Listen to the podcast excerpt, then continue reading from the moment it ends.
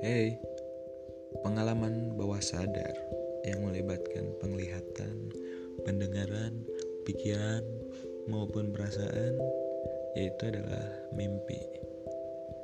Ini adalah suatu hal yang diciptakan oleh Tuhan yang gak akan orang bisa menyerupainya. Malah ketika kita sedang tidur, datangnya mimpi itu. Ah, mungkin kalian bisa mendengarkan cerita-cerita indah maupun buruk di podcast kali ini tentang cerita mimpi.